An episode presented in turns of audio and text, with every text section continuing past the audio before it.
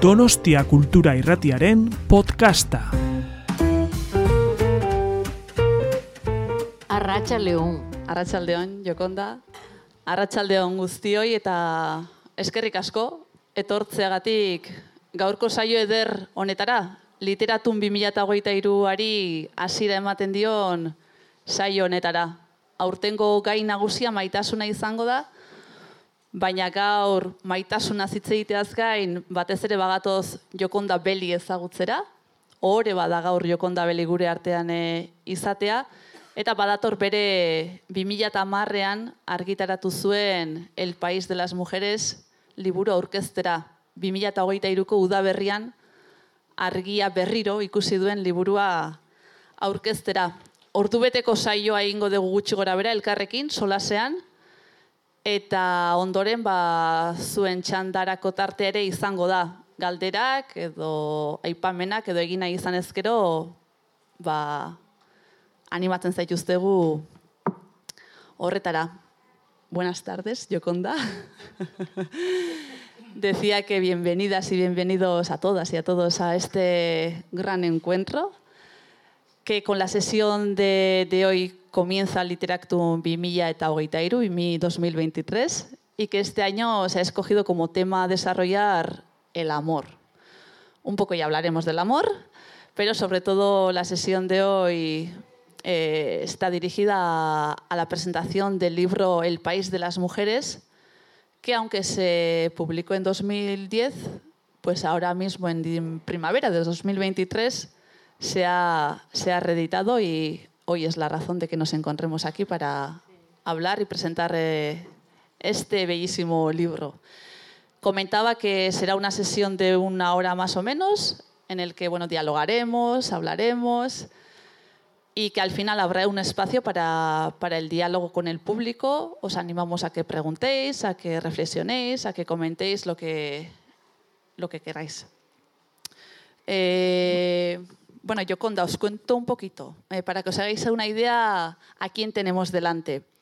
Eh, poeta y novelista, perdón, nicaragüense, nació en Managua en 1948 estuvo vinculada al Frente Sandinista de Liberación Nacional 2000, de 1970 a 1994. El compromiso político y el ser y el sentir femenino son los dos temas fundamentales en una obra que ha contado desde sus comienzos con el respaldo de la crítica y, y del público en general. Comienza a publicar poesía en 1970 y pronto se reconoce su talento. En 1972 recibe el premio de poesía Mariano Fiallos Gil por Sobre la Grama y llegan más publicaciones y más premios. En 1988, ahora estábamos hablando, publica Concha Laparta la novela La mujer habitada, con gran éxito de crítica. Eh, y Yoconda Belídez podríamos decir que se encuentra entre las escritoras latinoamericanas más leídas en América y en Europa. En 2023, este año, recibe el premio Reina Sofía de Poesía Iberoamericana, el más prestigioso para la poesía en español. Mm, desde hace unos meses es ciudadana chilena. No. ¿No? ¿Nos cuentas? luego. Lo que sí os puedo contar es que el País de las Mujeres es una inteligente y provocativa utopía feminista que pone sobre la mesa las diferencias entre hombres y mujeres a la hora de, por ejemplo, gobernar. Es una novela divertida y audaz que fue publicada, como antes comentaba, en 2010 y ahora se ha reeditado en la primavera de 2023. En 2010 obtuvo el premio hispanoamericano de novela La otra orilla. Arrachaldeón, un placer tenerte hoy aquí en Donosti. ¿Qué tal estás?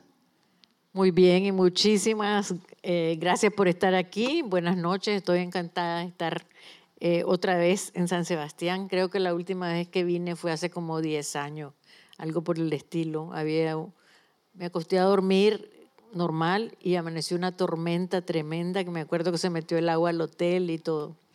Pero eh, bueno, he tenido una relación bastante cercana con el País Vasco, por, precisamente porque aquí se publicó eh, La Mujer Habitada, mi primera novela, y Y bueno, porque en Nicaragua, cuando el tiempo de la revolución en los 80, hubo muchísima gente de todos estos lugares que llegó a Nicaragua y que participó activamente en ayudarnos a reconstruir el país después de 45 años de dictadura. Ahora estamos en otra dictadura, la vida da vueltas eh, de una manera inesperada, pero aquí estamos y estoy muy contenta de poder estar en el festival, de que me hayan recibido.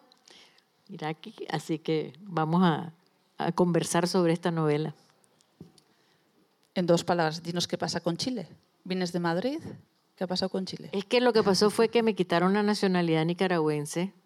En, en febrero, el 16 de febrero de 2023, eh, Daniel Ortega sacó una lista de 94 personas, que éramos todas eh, escritores, críticos, tuiteros, periodistas, defensores de derechos humanos, a los que de, de un plumazo decía que nos quitaban la nacionalidad nicaragüense y además eh, nos quitaban todos nuestros bienes, hasta el, la, pensión de jubilación.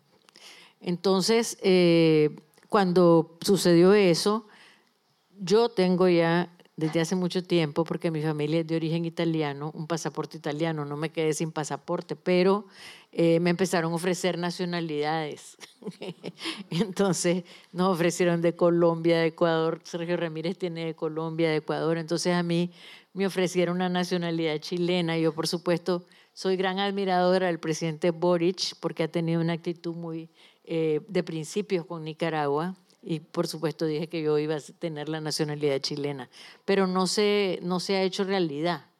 O sea, fue nada más como una especie de, de afirmación para eh, reconocer la actitud del gobierno chileno. Pero en Chile es muy difícil. Eh, aquí hay una cosa que se llama por, por eh, razón de naturaleza, te pueden dar la nacionalidad y en otros países, en Chile no, no existe eso. Entonces no es porque no hayan querido tampoco, ¿no? Pero entonces me quedé nada más con el nombre de que tengo la nacionalidad chilena, pero me gusta explicarlo, pues, porque... Como antes decía, el Iteractus 2023 ha elegido el tema del amor para desarrollar en el festival. Eh, tu novela no se ha elegido en concreto por, por ello, sino porque se acaba de reeditar. Yo te quería preguntar a ver cuánto de amor tiene el libro El país de las mujeres? Bueno, yo siento que es un libro todo de amor, porque de alguna manera eh, lo que trata es de un grupo de mujeres que se dan cuenta que la forma en que se gobierna el mundo y en que se gobierna su propio país está muy lejana a lo que ellas consideran debía ser una forma de gobierno que tomara en cuenta eh, la gente más. O sea, ellas inventan una, una ideología, dicen, no somos ni socialistas, ni, ni liberalistas, ni, liberales, ni comunistas, ni nada, somos felicistas, porque la felicidad es el fin último de, de un gobierno, ¿no? la felicidad de sus gobernados. Entonces ellas crean ese, esa ideología, el felicismo, tienen un gran sentido del humor, amor, humor, y también eh, creen mucho en una sociedad que cuide. Entonces, por ejemplo, le cambian el nombre a la ciudadanía, se llama cuidadanía. Entonces las personas son cuidadanos. Entonces ellas tratan de crear una manera de, ejercer el poder diferente. Porque la tesis fundamental de la novela, porque mucho se dice, bueno, las mujeres eh, no llegan al poder o cuando llegan al poder no son diferentes que los hombres. Y la tesis fundamental es que el poder y la, y la forma de gobernar está organizada por los hombres. O sea, los hombres han tenido el mando. Eh, ahorita, por ejemplo, solo el 10%, si acaso, de las mujeres son jefes de Estado en el mundo, ¿no? De 175 países, solo hay un 10% de mujeres. Entonces la idea es que el, poder se, se, organice de otra manera. Porque cuando una mujer llega al poder actualmente, tiene que jugar con las reglas de juego del poder que está establecido. Y muchas veces las mujeres nos corremos precisamente del ejercicio del poder porque no queremos eh, ejercerlo de la misma manera y choca con nuestra manera de entender las relaciones humanas y de entender eh, la política como tal. Eh, no es fácil para las mujeres porque está montada sobre un esquema patriarcal. No me gusta la palabra patriarcal, pero es verdad, es, ese esquema de dominación que pues, es la manera en que vivimos, ¿no? Y que está cambiando poco a poco. Entonces la novela también es seria, pero también tiene mucho de, divertido, pues porque no se podía hablar de estas cosas de una manera, eh, yo no quería hacer un libro de posición política, filosófica, sino que más bien mostrar estas mujeres que están tratando de cambiar el poder y todos los problemas que tienen, todas las dudas que tienen ellas mismas. Y además hay, hay algunas cosas simpáticas, como por ejemplo, eh, hay un volcán que explota en esos días, eh, y el volcán eh, Mitre, y ese volcán tira una capa de humo sobre toda la nación, y por tres días hay un humo negro, y nadie sabe pues qué va a pasar Después el humo se levanta y resulta que todos los hombres se han vuelto muy dulces y débiles y se les han bajado los niveles de testosterona a toditos. Entonces eso es, eh, eso como que crea un ambiente que les permite a ellas moverse sobre algunas, eh, algunas eh, decisiones que toman, que por ejemplo mandan a todos los hombres a descansar a su casa, porque pues están muy cansados, han trabajado toda la vida para las mujeres, necesitan tomarse unas vacaciones y ellas quieren gobernar solas, que no porque siempre hay la, intervención del, masculina dentro de las discusiones. Entonces ellas quieren que las dejen a ellas solitas hacer el, cambio este radical y todo lo que les pasa. Y hay un tipo que se llama José de la Aritmética, que es un, vendedor de, de helados, que es muy importante en la novela porque él es la voz masculina. Y se llama José de la Aritmética porque su mamá le quería poner como San José de Arimatea, pero se equivocó y le puso José de la Aritmética. Todo ello que nos estás contando ocurre en un país que se llama Faguas, un país inventado, donde Viviana Sansón llega a la presidencia. Mm, ¿Cómo es Faguas? Eh, ¿Cómo es el paisaje en Faguas? ¿Tú cómo te lo imaginas? ¿A qué huele? ¿Qué se ve allí? ¿Qué se escucha en Faguas? Faguas es mi manera de decir Nicaragua, porque yo no quería tenerme que ajustar a Nicaragua porque me gusta que el, que, la, que, la, que el paisaje y que la historia se relacione también con otros países de América Latina y del mundo en realidad. Entonces Faguas quiere decir fuego y agua que es Nicaragua, es un país de volcanes y lagos. Entonces de ahí viene el nombre Faguas. Pero yo me imagino ese país, Faguas, con, eh, con esa vegetación exuberante del trópico, con el, el invierno, le llamamos nosotros a la estación lluviosa, que es la estación donde todo se pone verde. Es como la primavera de aquí, ¿no? Y, y la más o menos la, la, misma fauna, la misma flora. Es mi paisaje mítico, digamos, que tengo en la cabeza y ese es el paisaje de Faguas. ¿A qué huele? Huele a tierra mojada, que ese es un olor fundamental para mí, el olor de cuando viene la lluvia y se empieza a sentir desde antes de que llueva, porque los veranos son muy intensos en los países donde solo hay dos estaciones. Y llega un momento en que el calor, todo se pone amarillo, seco, porque no llueve. Y de repente el día que va a llover, como que empezás a sentir algo en el, bueno, a humedad en el ambiente. Y de repente cuando empieza ese olorcito, cae el aguacero. Yo tengo muchos olores, pues, porque hay un olor a, a, a quemas también en abril también eh, los campesinos muchos quemaban la tierra para volver a sembrar. También hay muchas quemas. Entonces es un olor que no es muy agradable, pero es como bien típico. Y el olor de ciertas flores en diciembre, eh, las Pascuas, hay una flor blanca que huele muy bien, no sé, olor a todo, olor a mis hijos, olor a mis perros. Todos esos olores tienen esas evocaciones, ¿no? De faguas para mí.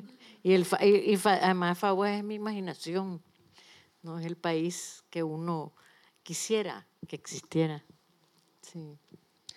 El día que atentan contra Viviana, porque sufre un atentado, están celebrando por primera vez el Día de la Igualdad en todo sentido. Porque la igualdad, Yoconda, o es en todo sentido o no es igualdad. ¿O cómo va esto?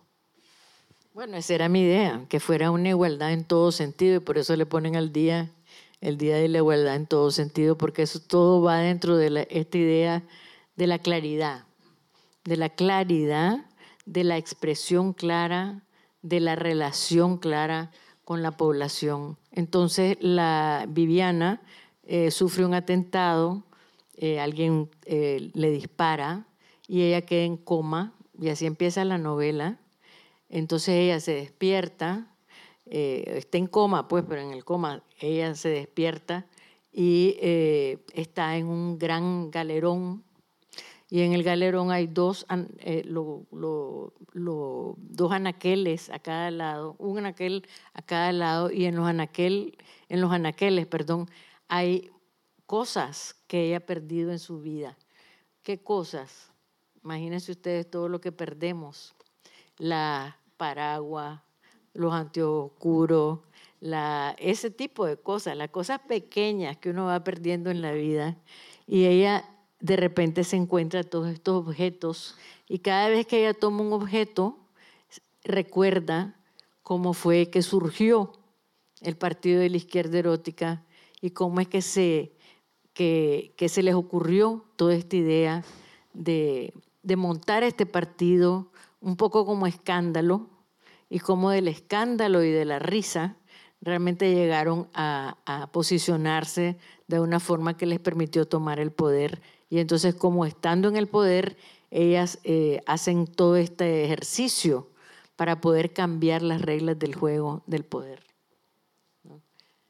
Tal vez esa sería la gran pregunta. Eh, ¿Cómo actuaría un gobierno compuesto por y solo por mujeres? Viviana y su equipo de ministras toman decisiones que Yoconda a gusto tomaría. Por supuesto. Fíjate que, eh, bueno, hacen un montón de cosas. Por ejemplo, eh, cambian el sistema educativo, cambian eh, la, la, manera de, de, que funcione el trabajo. Eso fue, es fundamental. Porque una de las cosas que tenemos que, con las que tenemos que lidiar las mujeres es que hay esa decisión entre tener un hijo o seguir trabajando, ¿no? Cuando, cuando se plantea ese, esa decisión, ¿no? Entre quién cuida a mi hijo si tengo que ir a trabajar. ¿Cómo se, cómo se logra eso? Entonces, este, esta sociedad tiene guarderías, todos los, hay, hay eh, estímulos fiscales a todas las empresas de más de 100 personas para que pongan una guardería regentada por gente súper bien, eh, bien eh, educada y todas las guarderías en cada sitio de trabajo. Cuando no hay 100 personas, entonces se hace en la, en la cuadra del barrio, se le da a una de las casas, a una de las mujeres que tienen vocación maternal, porque hay mujeres que tienen vocación maternal especial, entonces esas se encargan de la crianza de los niños de las que tienen que ir a trabajar en ese, en ese barrio. Y en el trabajo, además, hay unos cuartos especiales para cuando los niños están enfermos y las mujeres tienen que ir a trabajar, pueden llevar a su niño, pueden estar aparte del resto, pero poder, poderlos cuidar, estar a la orilla. Pueden eh, llevarlos eh, eh, a amamantar, por ejemplo, les llegan a buscar a sus escritorios para que lleguen a, amamantar a los bebés. Hay lugares especiales para todo eso. Tienen una guardería extraordinaria. Los niños van a, un colegio donde no tienen que escoger nada más que eh, jugar y, a, partir del juego y de sus propios deseos van escogiendo lo que les gusta y hasta los 12 años empiezan a tener materias ya fijas. Eh, después hay otras cosas que hacen, eh, siembran flores, crean toda una industria eh, para vender flores, que es un negocio tremendo en Colombia, por ejemplo. Esa idea se me ocurrió porque es una de las cosas que han hecho en Colombia que les ha producido muy buen resultado. también venden bonos de carbono, que eso, se me, eso fue bien visionario de mi parte porque todavía no se hacía, pero pues conservan los bosques y entonces venden bonos de carbono. Eh, ¿Qué más hacen? Ah, bueno, y a los violadores y a los los meten en unas jaulas y los enseñan todos los fines de semana en los parques. Eh, eso es lo que más me causó problemas cuando escribí esa novela. Todo el mundo me regañaba por haber puesto eso. Pero realmente lo veo ¿Qué es la más terrible que le pasa a una mujer? La vergüenza, ¿no? La vergüenza. Entonces, ¿cómo hacer que tuvieran vergüenza? Entonces era ponerlos exhibidos como, como animales salvajes, como fieras, y que todo el mundo pudiera pasar por ahí decirles lo que pensaban. Y arriba, en un gran rótulo en cada jaula, decía lo que había hecho la persona que estaba ahí. Entonces, eh, después cambian el ejército, pintan todos los, los, tanques y todo eso de rosado. O sea, hacen un montón de cosas como para quebrar todos los esquemas de la, de la manera de pensar que tenemos de, de, lo cómo es un gobierno. Pero fundamentalmente yo creo que el cuido se convierte en, una, en, un, eh, en un espacio fundamental del, del, de la organización del trabajo y de la y de la organización de la sociedad. ¿no? Se, yo me pongo a pensar ahora con la pandemia, tanto que hablamos ¿no? del cuido, la necesidad del cuido, cómo vimos cuán descuidados estamos en el sentido de que no existen mecanismos sociales suficientes para ayudarnos en estas cosas. Y sin embargo ya se, ya se acabó la pandemia y se acabó el pensamiento, no se acabó la urgencia y se acabó lo que parecía que iba a ser una ola de cambios importantes en ese sentido. La palabra mágica de la administración de Viviana es contacto. Yo no sé si Viviana estuviera aquí dando una charla, una conferencia, un meeting. Estaría en medio. Estaría en el medio, estaría en el círculo, ¿no? Organizaría aquí un círculo y estaría en el medio. Así no lo haría, ¿no? Como estamos tú no lo haría. Bueno, es que Viviana es muy divertida. Ella, eh, el contacto era muy importante, entonces ella cuando hacía las, las, los mitines de su partido, los hacían todo en, una, en un círculo, en una tarima circular y en medio de toda la gente, ¿no? Y se tocaban y se... se tienen que leer la novela, pues, porque todo esto ya... Dice Viviana, precisamente, que aquí en Faguas o aquí en Donosti, para muchas personas ser libre solo significa no estar en la cárcel, que es la libertad. Yoconda, para ti. La libertad es eh, un, un bien tan difícil de, tan difícil y al mismo tiempo tan instintivamente claro lo que significa ser libre, ¿no? Y yo creo que para cada persona, de alguna manera, la libertad tiene un significado especial, pero para todos nosotros yo creo que quiere decir poder vivir de una manera en que te sintas que estás haciendo tus opciones, que estás llevando a cabo una vida donde puedes eh, seguir tu potencial, puedes desarrollar tu potencial. La libertad para una nicaragüense como yo ha sido una lucha tremenda.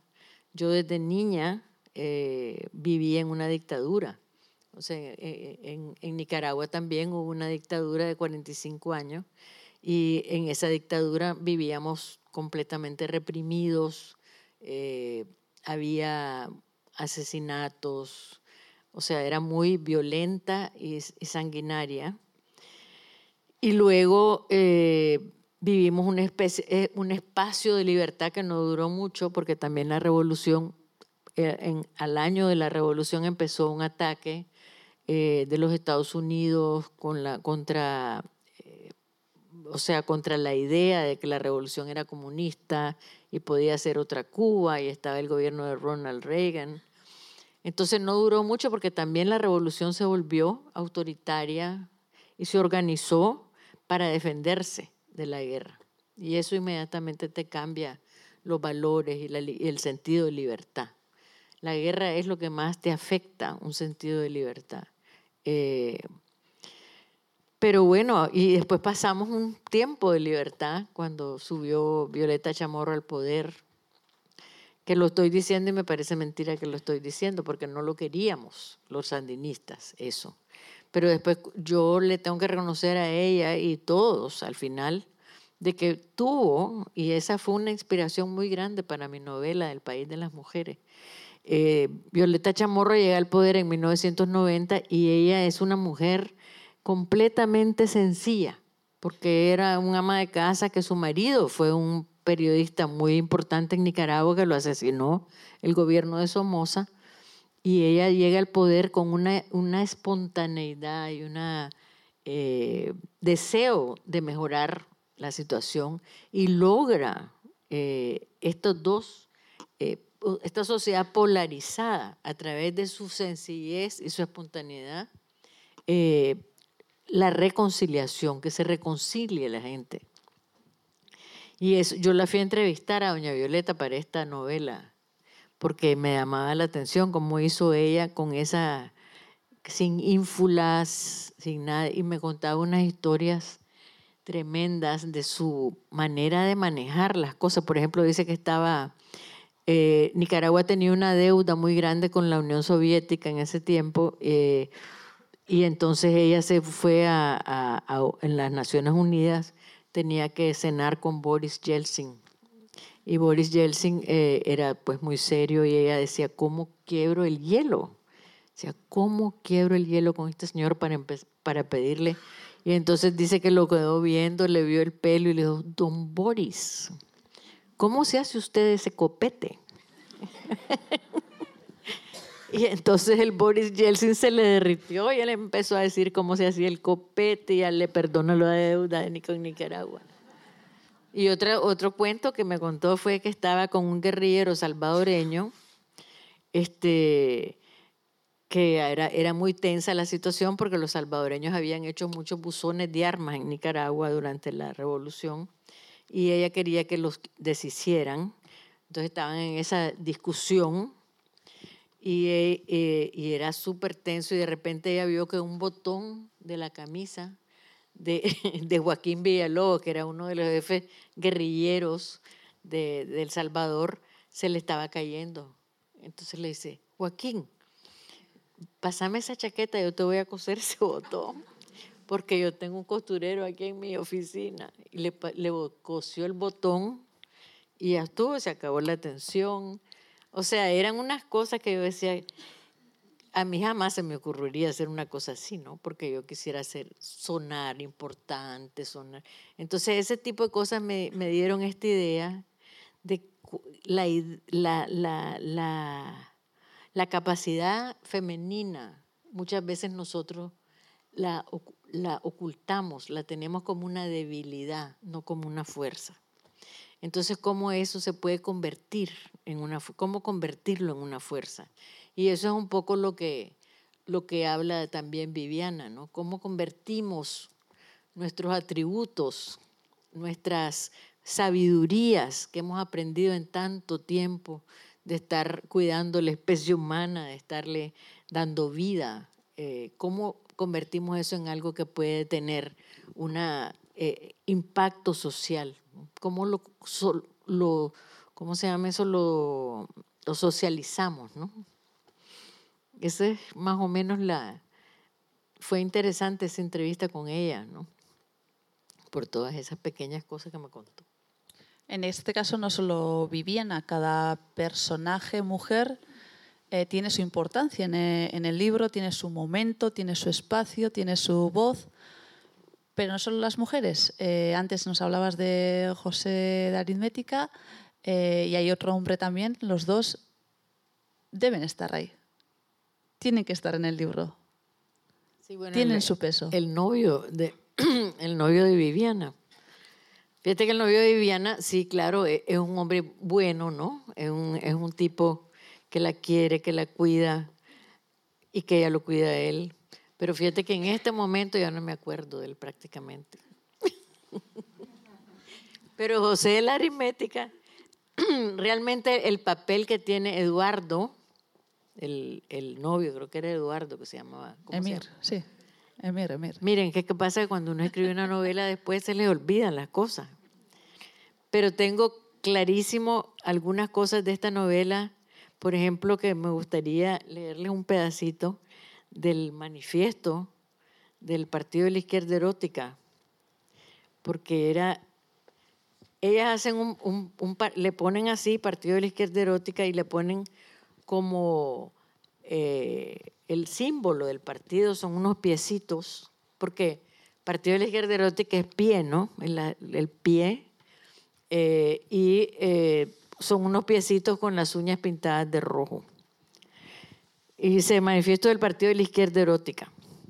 Somos un grupo de mujeres preocupadas por el estado de ruina y desorden de nuestro país. Desde que esta nación se fundó, los hombres han gobernado con mínima participación de las mujeres. De ahí que nos atrevamos a afirmar que es la gestión de ellos la que ha sido un fracaso. De todo nos han recetado nuestros ilustres ciudadanos. Guerras, revoluciones, elecciones limpias, elecciones sucias, democracia directa, democracia electorera, populismo, casi fascismo, dictadura, dicta blanda. Hemos sufrido hombres que hablaban bien y otros que hablaban mal, gordos, flacos, viejos y jóvenes, hombres simpáticos y hombres feos, hombres de clase humilde y de clase rica, tecnócratas, doctores, abogados, empresarios, banqueros, intelectuales. Ninguno de ellos ha podido encontrarse, encontrarles el modo a las cosas y nosotros las mujeres ya estamos cansadas de pagar los platos rotos de tanto gobierno inepto, corrupto, manipulador, barato, caro, usurpador de funciones y respetuoso de la Constitución. De todos los hombres que hemos tenido no se hace uno. Por eso nosotras hemos decidido que es hora de que las mujeres digamos, se acabó. y ahí va por el este. Sigue el, el manifiesto. Yo quería leer otro, otro tramo que me ha gustado mucho, antes te lo he comentado, que Yoconda ella misma aparezca en el, en el libro. Dice, Ifgenia recordó la camiseta con que ella anduvo día tras día. Era una camiseta blanca con la línea de un poema de la poeta nicaragüense Yoconda Belli que decía simplemente, yo bendigo mi sexo.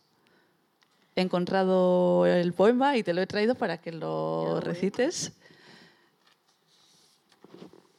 Será un gusto escucharte. Este fue uno de los, poemas, de los primeros, digamos, la primera camada de poemas que escribí, iba este poema.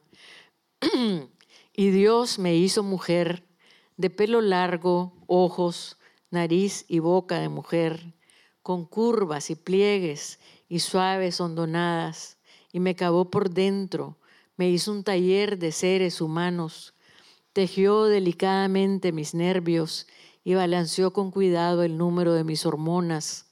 Compuso mi sangre y me inyectó con ella para que irrigara todo mi cuerpo.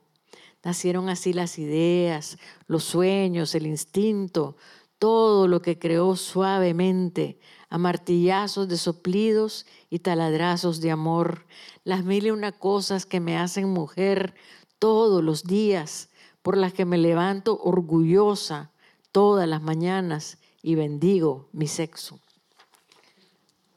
¿Existe la camiseta?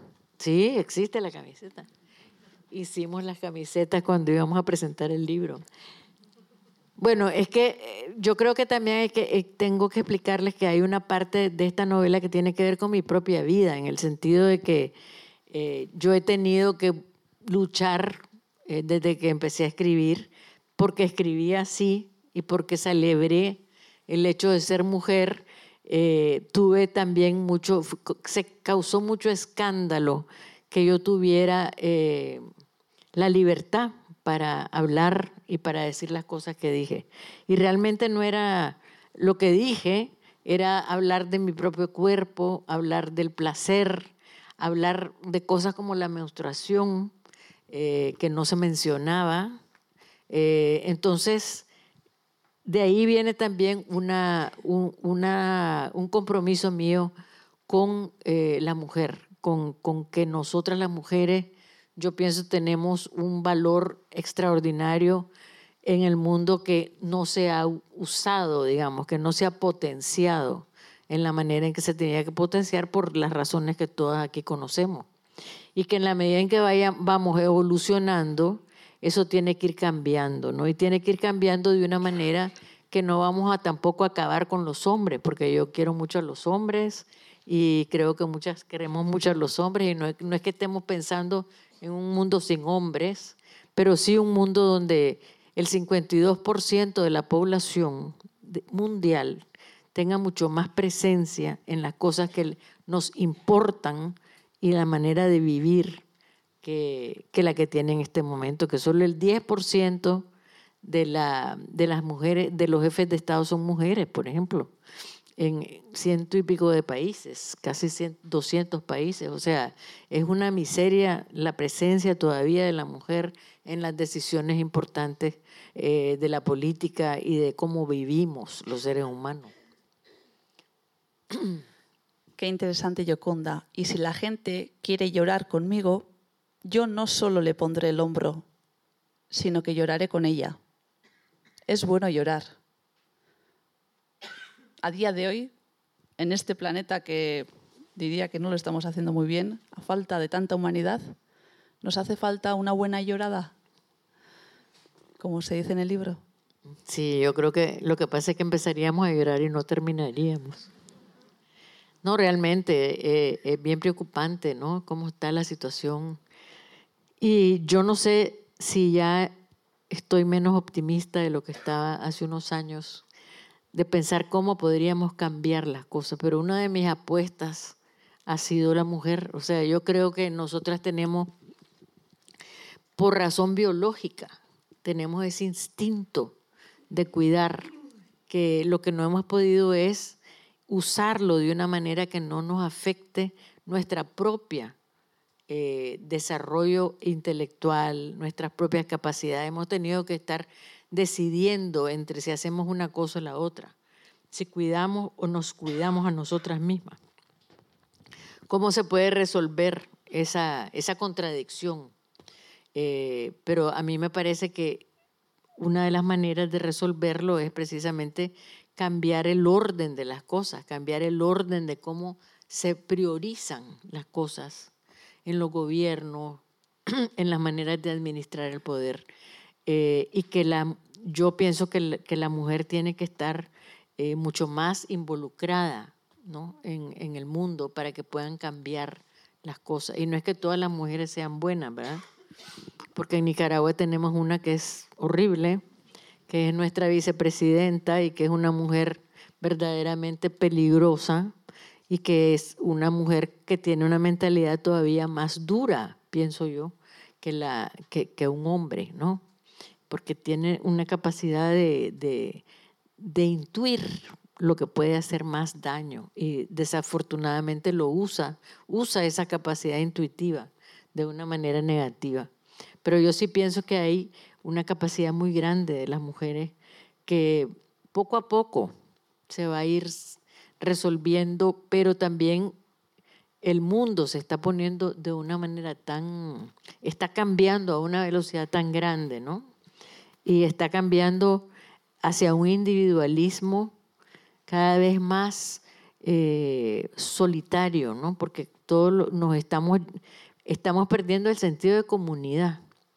¿Y eso cómo lo vamos a recuperar? ¿Cómo lo vamos a salvar antes de que quedemos todos convertidos en observadores de lo triste? Porque lo que está pasando ahora, lo que vemos en Ucrania, lo que estamos viendo en Palestina, en Israel, o sea, es eh, verdaderamente eh, angustiante porque no sabemos cómo, qué hacemos, ¿no?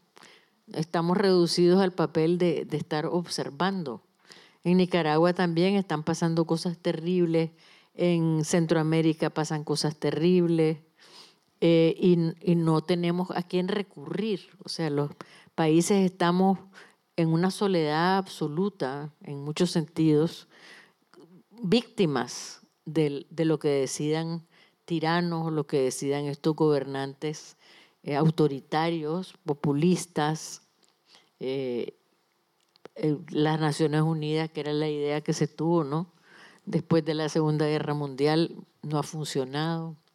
¿Qué va a funcionar para que no nos matemos los unos a los otros y para que tengamos un sentido de humanidad? Entonces ahí es donde yo tengo esa ilusión, bueno, pero no lo voy a ver, pues, pero es un sueño que creo que tenemos las mujeres que tomar más, eh, tener tratar de tener más incidencia dentro de la sociedad, pero con una mentalidad femenina, no para seguir haciendo lo que están haciendo los otros. Y tal vez necesitamos mesas largas. ¿Qué imagen, qué gran imagen está? Sentar frente a frente Ah. a ambos lados de una mesa larga a las 10 a, perdona, a las 10 mejo- mujeres más ricas y a las 10 mujeres más pobres de Faguas. Tal vez necesita- necesitamos mesas largas para dialogar, vernos, escucharnos. Exactamente, sí. Esa era la contarnos. otra, la otra cosa que se les ocurrió fue cómo lograr que, la, que, que, se pudieran poner unos en los zapatos de los otros, ¿no? Entonces los juntaban para que hablara cada quien de sus, de sus experiencias. Eh, y eso les, bueno, le- les resultó, en cierta manera. Sí. Mira, yo creo que lo que es importante es la ficción, como la ficción para mí, el valor de la ficción, de la poesía, de la palabra, de la literatura, es que te, te pone imágenes, ¿no? Eh, hay imágenes importantes que nos hacen aspirar a cosas diferentes y que nos hacen soñar con cosas diferentes o por lo menos nos hacen tener conciencia de ciertas cosas y la conciencia es fundamental, ¿no? Entonces, eh, ese es la el papel que a mí me, me gusta pensar que se cumple cuando un escritor escribe, ¿no? El amor, por ejemplo, eso del amor, eh, que me encanta la- el tema, ¿no? Del festival, la geografía del amor, eh, porque cómo reflejas ese amor, cómo, cómo contaminas el mundo de amor. Yo creo que eso, en cierta manera, la- los escritores cumplimos un poco esa función, ¿no? De, de- de hablar del amor desde tantas, eh, desde tantas perspectivas, porque no hay solo el amor lindo, hay también el amor que nos de- destruye eh, y el amor eh, social es algo del que- de lo que se está hablando muy poco últimamente. O sea, por ejemplo, mi generación creció con mucha eh, literatura social, literatura de, de biografías de gente que era capaz de, de- de luchar por grandes ideales. Yo me acuerdo leer a Mikis Theodorakis, el Che mismo, o sea, que era esa, esa idea de que el ser humano podía cambiar sus circunstancias. Entonces, un poco ahorita hablar de la idea de cambiar el mundo, ya te suena, ya te suena no, mi generación quería cambiar el mundo. No, ahora ya la- lo- yo creo que los muchachos, los jóvenes están cada vez más eh, preocupados, pero tampoco están queriendo cambiar el mundo. Quieren en todo caso cambiar sus circunstancias, ¿no? Obtener un trabajo, casarse, pero todo se reduce entonces, perdés el sentido de colectivo, que creo que es uno de los grandes valores de, de ser humano, ¿no? El ser humano, eh, eh, su sentido de colectividad, de que somos una especie que nos necesitamos los unos a los otros, creo que eso eh, nos da una muchísima, muchísima fuerza y, y valor a lo que hacemos, ¿no? A nuestra existencia, al sentido de ser. Ya lo hemos dicho, Viviana sufre un atentado, no contaremos el desenlace, eso ya lo leerán. Eh, no contaremos cuál es el paradero de esa bala instalada en el cerebro. Que ahí está, Ahí está, la bala. sí. ahí se quedará. No contaremos. Lo que sí diremos y recordaremos y repetiremos, Yoconda, Yoconda, es que así se hace el camino, ¿verdad? ¿Cómo se hace el camino? ¿Poniendo un pie? Un pie detrás del otro. sí, esa era una. Eh, eh, ellas tenían varios eslogans, era eh, pensar en pequeño para crecer en grande, porque esa es otra de las cosas que es diferente la mentalidad de, femenina y masculina, ¿no? Lo macro, eso lo vivimos mucho, y lo, y lo micro, ¿no? El, el, experimento del Partido de la Izquierda Erótica surgió de una realidad en Nicaragua cuando tuvimos la revolución. Eh, se planteó eh, que se iban a cambiar muchas cosas para las mujeres y empieza la revolución y por supuesto que esas cosas no cambian, no cambian. Eh, todo tenía una prioridad diferente. Entonces nosotras, un grupo de nosotras que habíamos estado involucradas, decidimos reunirnos y empezar a pensar cómo cambiábamos las cosas a partir de, introducirnos en ciertos medios, ciertos ambientes y eh, empezar a promover políticas diferentes. Y nos juntábamos clandestinamente, un grupo como de cinco o seis, que todas teníamos alguna función importante en el gobierno o en el partido sandinista y eh, discutíamos estrategias que íbamos a poner en práctica juntas. Entonces eso era lo que hacíamos y le, le llamábamos el pie, ese era el, el nombre clave del, del, Partido de la Izquierda Erótica, el pie. Y pasamos tan contentas además haciendo esto, porque claro, además de, de pensar en lo que íbamos a hacer, hablábamos de nosotras mismas, de nuestros problemas, de nuestros hijos, de nuestros amores. Entonces nos hicimos un grupo muy eh, entrañable. Eh, y logramos cosas importantes, ¿no? Logramos el matrimonio igualitario, el divorcio igualitario, el, el, el, divorcio que se, vos podías pedir el divorcio y no tenías que probar, en Nicaragua para probar, por ejemplo, el adulterio tenías que pasar un hilito entre las dos personas. Solo si, si no pasaba el hilito podías probar que existía el adulterio. Imagínate una cosa ridícula. Entonces, eh, logramos cosas importantes en Nicaragua, pero no tantas como hubiéramos querido. El País de las Mujeres 2010. El País de las Mujeres 2023. ¿Por qué esa decisión de reeditar? ¿Cómo surge la, la ocasión? ¿Y quién es Yoconda en 2010 y quién es Yoconda en 2023? Mira, la decisión surgió porque pensamos que eh, cada vez nos vamos acercando, cada vez hay más conciencia, ¿no? Femenina. Y es interesante porque hay libros que crecen en el tiempo, ¿no? Y que se acercan al tiempo del tiempo. Y por eso se pensó que ese libro podía ser interesante, y sobre todo en España, donde hay ese gran movimiento, pienso yo que es un país donde hay una conciencia femenina muy desarrollada y cada vez más desarrollada, eh, a veces demasiado desarrollada para la capacidad que tiene la sociedad de absorberla, pero pienso que eh, eso fue lo que motivó a, que se sacara el libro otra vez. Eh, ¿Y quién es Yoconda?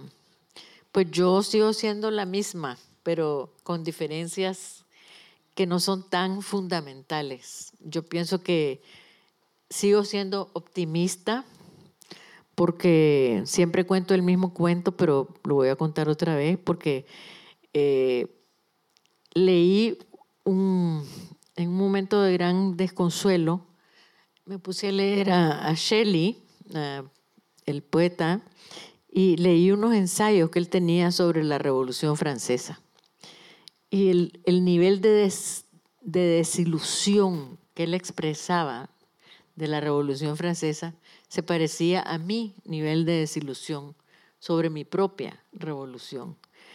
Y de repente me di cuenta que, bueno, este hombre está viviendo en el momento en que la revolución pasa de, de esa revolución que todos hemos visto que cómo cambió el mundo, al terror, ¿no? A Napoleón. O sea, esa revolución va pasando por todas esas etapas, la restauración, otra vez tienen un emperador. Entonces pasaron como 100 años entre que se dio la Revolución Francesa y que se formó realmente una república en Francia. Entonces me puse a pensar que la historia es bien larga y nosotros vivimos un instante de esa historia. Y que entonces si nos ponemos a pensar que solo vale la pena hacer las cosas para cambiar el tiempo que vamos a vivir, entonces no, no, no vamos a estar nunca contentos con lo que hacemos. Pero si nos ponemos a pensar que lo que hacemos ahora va a tener un impacto en el futuro, entonces ese es un pensamiento que me mantiene a mí, o sea, todavía motivada a hacer cosas, ¿no? que no, no me he vuelto cínica, ni pienso que todo lo que hacemos eh, construye el futuro.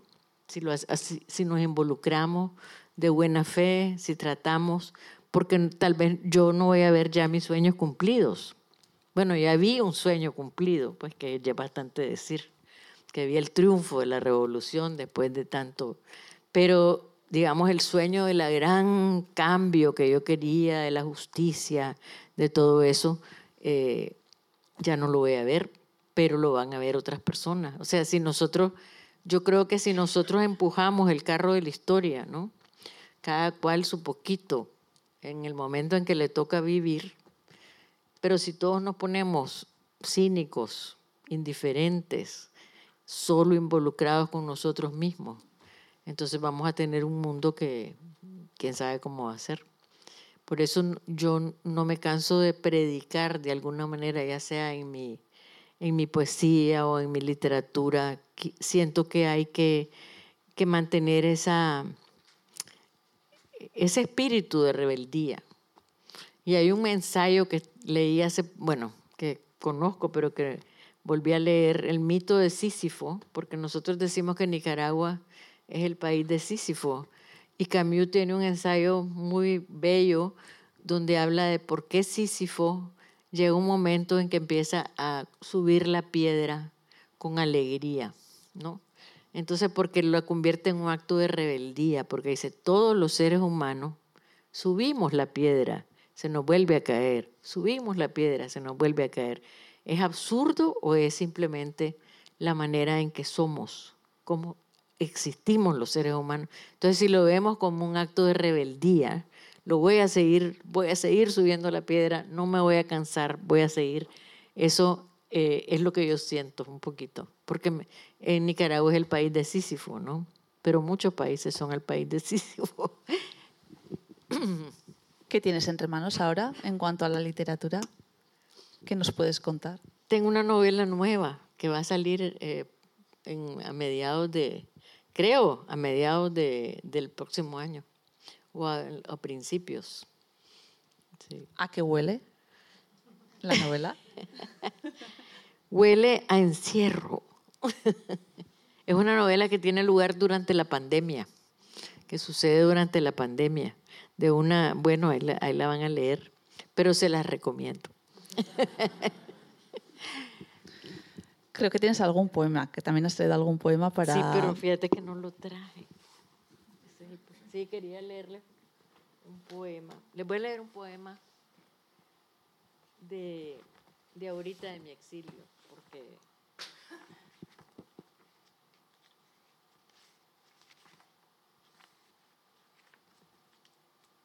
hablando de Sísifo. Bueno, yo me quedé sin me quedé sin lugar donde vivir, porque cuando yo me doy cuenta que no puedo regresar a Nicaragua, yo había salido a ver a mis hijas que viven, en Estados Unidos, había salido de Nicaragua y de un día para el otro me doy cuenta que no puedo volver a mi casa y que no tengo dónde vivir a estas alturas de la vida. Entonces escribí este poema. No tengo dónde vivir. Escogí las palabras Allá quedan mis libros, mi casa, el jardín, sus colibríes, las palmeras enormes, las apodadas Bismarck por su aspecto imponente. No tengo dónde vivir. Escogí las palabras, hablar por los que callan, entender esas rabias que no tienen remedio. Se cerraron las puertas, dejé los muebles blancos, la terraza donde bailan volcanes a lo lejos, el lago con su piel fosforescente, la noche afuera y sus colorines trastocados. Me fui con las palabras bajo el brazo. Ellas son mi delito, mi pecado. Ni Dios me haría tragármelas de nuevo. Ahí quedan mis perros, Macondo y Caramelo, sus perfiles tan dulces, su amor desde las patas hasta el pelo, mi cama con el mosquitero, ese lugar donde cerrar los ojos e imaginar que el mundo cambia y obedece a mis deseos. No fue así, no fue así. Mi futuro en la boca es lo que quiero, decir, decir el corazón, vomitar el asco y la ranura. Queda mi ropa yerta en el ropero, mis zapatos, mis paisajes del día y de la noche, el sofá donde escribo, las ventanas. Me fui con mis palabras a la calle, las abrazo, las escojo. Soy libre, aunque no tenga nada. Y ese es mi sentido de libertad también. Es que ricasco, gracias.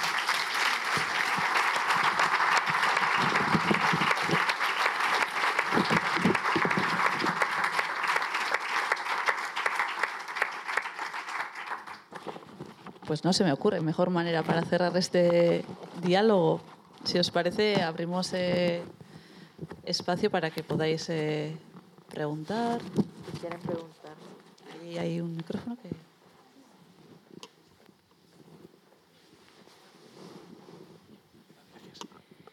Hola, buenas tardes. Eh, tengo la curiosidad de si al reeditar la novela 13 años después eh, me imagino, no sé si la ha vuelto a leer, si ha tenido usted un poco la tentación de hacer alguna corrección, si, cree que ahora la volvería a escribir igual, o cómo se ha enfrentado usted a la reedición. Es que mm, mm, no le cambié, no le cambié nada, porque yo creo que cada momento de la vida uno escribe lo que puede escribir en ese momento. Yo me acuerdo en La Mujer Habitada, que escribí y reescribí y reescribí las primeras 40 páginas no sé cuántas veces, hasta que llegó un momento en que yo dije, esto es lo mejor que yo puedo hacer en este momento de mi vida. Entonces yo quería mantener la autenticidad de ese momento en que escribí esa novela, porque creo que la novela es fantasiosa, no es una fantasía, es ficción y no tiene un asidero total con la realidad. El asidero con la realidad lo vamos a encontrar cada una de nosotras al leer esa novela, con nuestra realidad y con la, lo que quisiéramos cambiar en nuestra realidad. Entonces no, no, no, la, no la cambié, interesante, porque no se me ocurrió, pero no sé qué le hubiera cambiado, sinceramente.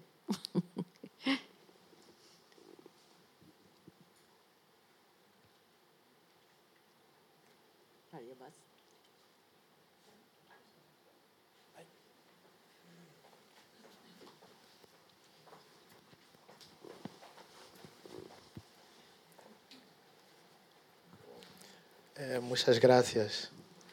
Eh, eu sou de Moçambique e nós outros tínhamos uma boa relação com Nicarágua. Me acordo que Daniel Ortega ha vindo a meu país e aquele então éramos também um país socialista ou comunista.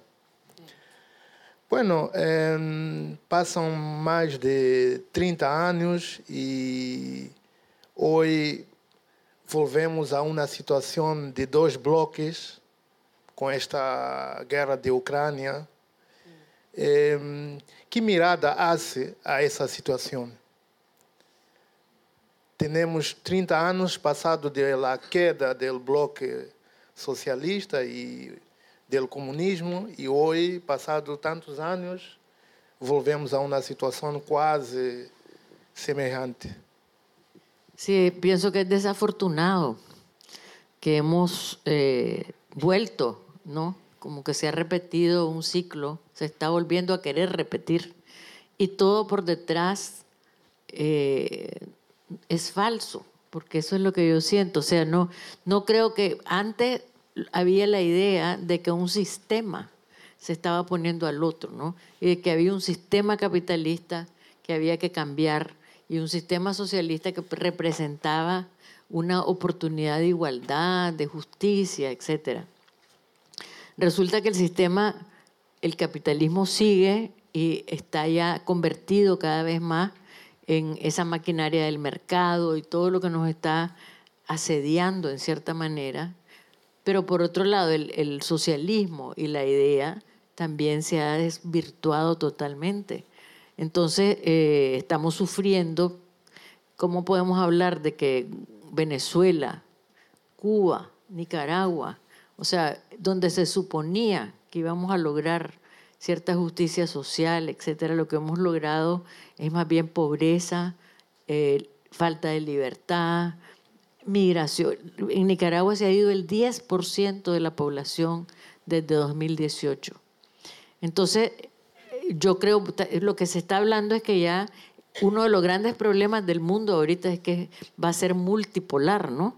Que ya no los Estados Unidos están en declive, eh, que Trump si vuelve a ganar va a ser una cosa desastrosa por su mentalidad, eh, digamos, eh, tan nacionalista en cierta manera y, tan completamente fuera de todos los esquemas de progreso, ¿no? Es un progreso completamente para él es un hombre narcisista, si gana mi ley en Argentina, ya no digamos, o sea, estamos viendo el surgimiento de estos tipos, Putin, o sea, eh, el Jinping, o sea, estamos, eh, estamos viendo un problema de, seres humanos que están actuando de una, de una manera que no nos está llevando a un lugar eh, mejor, sino al contrario, estas tensiones, estas contradicciones, es bien preocupante. Yo no creo que estamos en un momento bueno y, vamos a ver qué pasa. Pues yo hay que confiar en la juventud, hay que confiar en no sé en qué, pero sí, realmente pues sería mentirle, decirle que yo tengo una visión eh, muy positiva ahorita del mundo. Yo tengo una visión de lo que podemos hacer cada cual. Creo que tenemos que em, pensar más como colectivo y no simplemente dejarnos eh, aplastar por este tipo de situaciones, ¿no? Pero estamos viendo en todas partes, incluso en mismo España, ¿no? Esta eh, ebullición de, de, contradicciones, la polarización de las sociedades. Entonces hay que tratar de parar de alguna manera en lo que podamos cada uno en nuestro círculo, con nuestra pequeña contribución.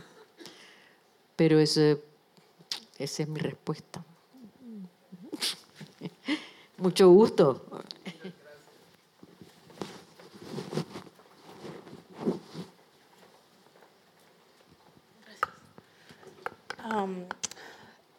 cuando te quitaron la nacionalidad, ¿fue diferente la sensación a cuando la exiliaron en el 90? O sea, porque me dices, se quedó sin casa, pero en aquella época tenías donde tenías la sensación de que ibas a regresar, supongo.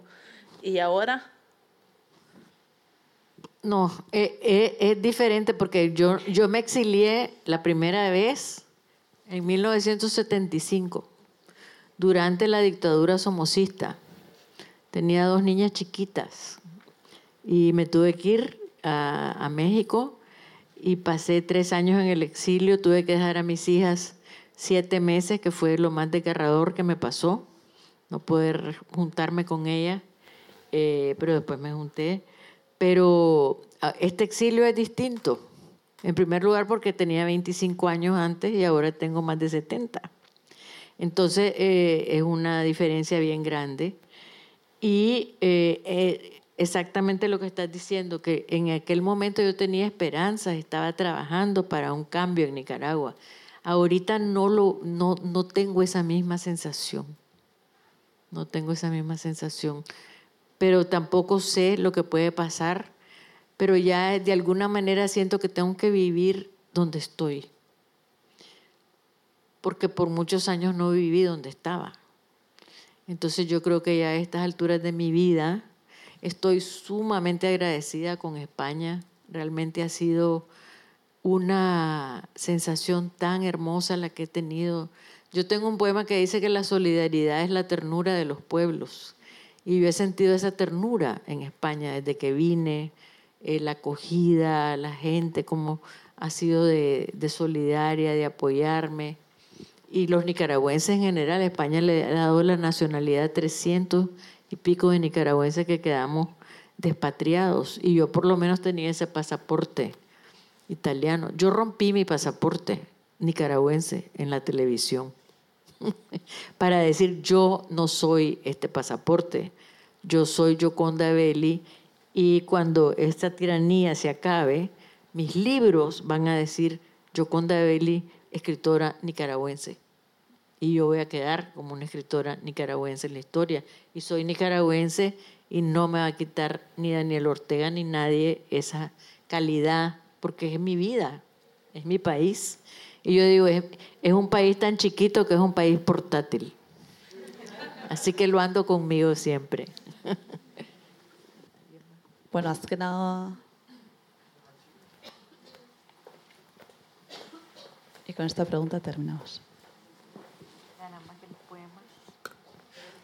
Eh, has dicho que te exilias a México fue un suceso fundamental para ti. ¿Acaso basaste alguna idea de este amor por tus hijas en el país de las mujeres? Sí, sí, ¿cómo? Perdón, no te... Lo repito. Bueno. Eh, has dicho que te exilias a México fue un suceso fundamental para ti. ¿Acaso sacaste alguna idea de este amor por tus hijas y lo implementaste en el país de las mujeres? Sí, sí, ¿cómo? Bueno, hay un poco, claro, por supuesto, porque toda la, la idea, eh, la idea de cómo organizar el trabajo, tiene que ver cómo romper esa dicotomía que existe para las mujeres a menudo cuando tenés un hijo o varios, cómo haces para com- compaginar tu idea de, de- de trabajar, de realizarte como ser humano, más allá de la, de la domesticidad, eh, para poder hacer las dos cosas bien, ¿no? Entonces eso, y, y el, el, el- dicen, el, para criar un niño se necesita una aldea, ¿no? Y realmente esa es la idea, la idea de la novela es cómo crear, cómo organizar la sociedad de manera que eh, la crianza sea también una, una, una misión social. Mira, ahorita, por ejemplo, en los Estados Unidos yo tengo mis hijas, dos hijas, poner a un niño en una guardería, una es doctora y la otra es arquitecta. Es carísimo. O sea, la arquitecta tuvo gemelos y no, ya se quedó en la casa porque me dice, pagaría más por, por, por la guardería que lo que yo podría ganar trabajando. Pero sin embargo se quedó atrás, ahora que los gemelos están grandes, entonces ella eh, ha perdido todo ese tiempo en experiencia. Entonces en su currículum ya ella compite con muchísimo menor eh, cualidades, pues, eh, en la competencia que alguien que ha estado trabajando todo ese tiempo. Entonces, un montón de cosas así se tienen que solucionar. Eh, y por eso, claro, que está el pensamiento de mis hijas. Y, mi hijo, tengo un hijo varón. Bueno, antes de cerrar y darte la última palabra, solo recordar que mañana sigue Literactum y que en la librería Zubieta Troa estará Jacobo Vergareche, a quien le entrevistará Leire Palacios, por un lado, a las 7 de la tarde, y por otro lado, Angie Ravich Strubel estará aquí mismo, en Ernest Lluch, y Luisa Echenique le entrevistará también a las 7 de la tarde. Recordaos también que podréis comprar el libro El País de las Mujeres y estará Jokonda para firmaorzlo. Eskerrik asko etortzagatik, placer bat izan da, gaurko saio hau zuekin batera. Muchísimas gracias a todos. Ah, Muchas gracias por la atención, muchas gracias a ti aquí. Azken hitza, akaso berari utziko diot, eh, nik bukatu baino decía que la última palabra para ti, Jokonda, eh, en vez de que lo cierre yo. Bueno, lo que yo quieras. creo ya hemos hablado. Les voy a leer otro poema. Eso del olor, porque me gustó mucho esa pregunta que, que este se llama La lluvia huele a Madrid, huele en Madrid. Alzo la cabeza del libro que leo, refugiada del aliento de dragón que escupe fuego sobre la ciudad, porque ese calor de Madrid no es así nomás. El árbol fuera de mi ventana, hermano del farol, agita alegre sus brazos. Algo sentí, un apagón del sol, el ruido mojado del asfalto. Dejo el libro y salto para abrir la ventana, grande como una puerta con ínfulas de balcón. Hay un instante de espanto. Pienso en Managua y sus tardes de lluvia, el olor de la tierra mojada. Si abro la puerta, olerá la lluvia en Madrid. Estará exiliado de mi vida ese olor. En mi alma hay un claustro vegetal donde se guardan los olores de la lluvia y el tambor batiente de los truenos. Temo en el umbral del balcón, pero al fin me atrevo, abro. Pasan los coches arrollando aguas. La calle está cubierta de florecillas, de árboles recién ducha- duchados. El olor irrumpe, el olor vegetal intenso. Estoy a salvo.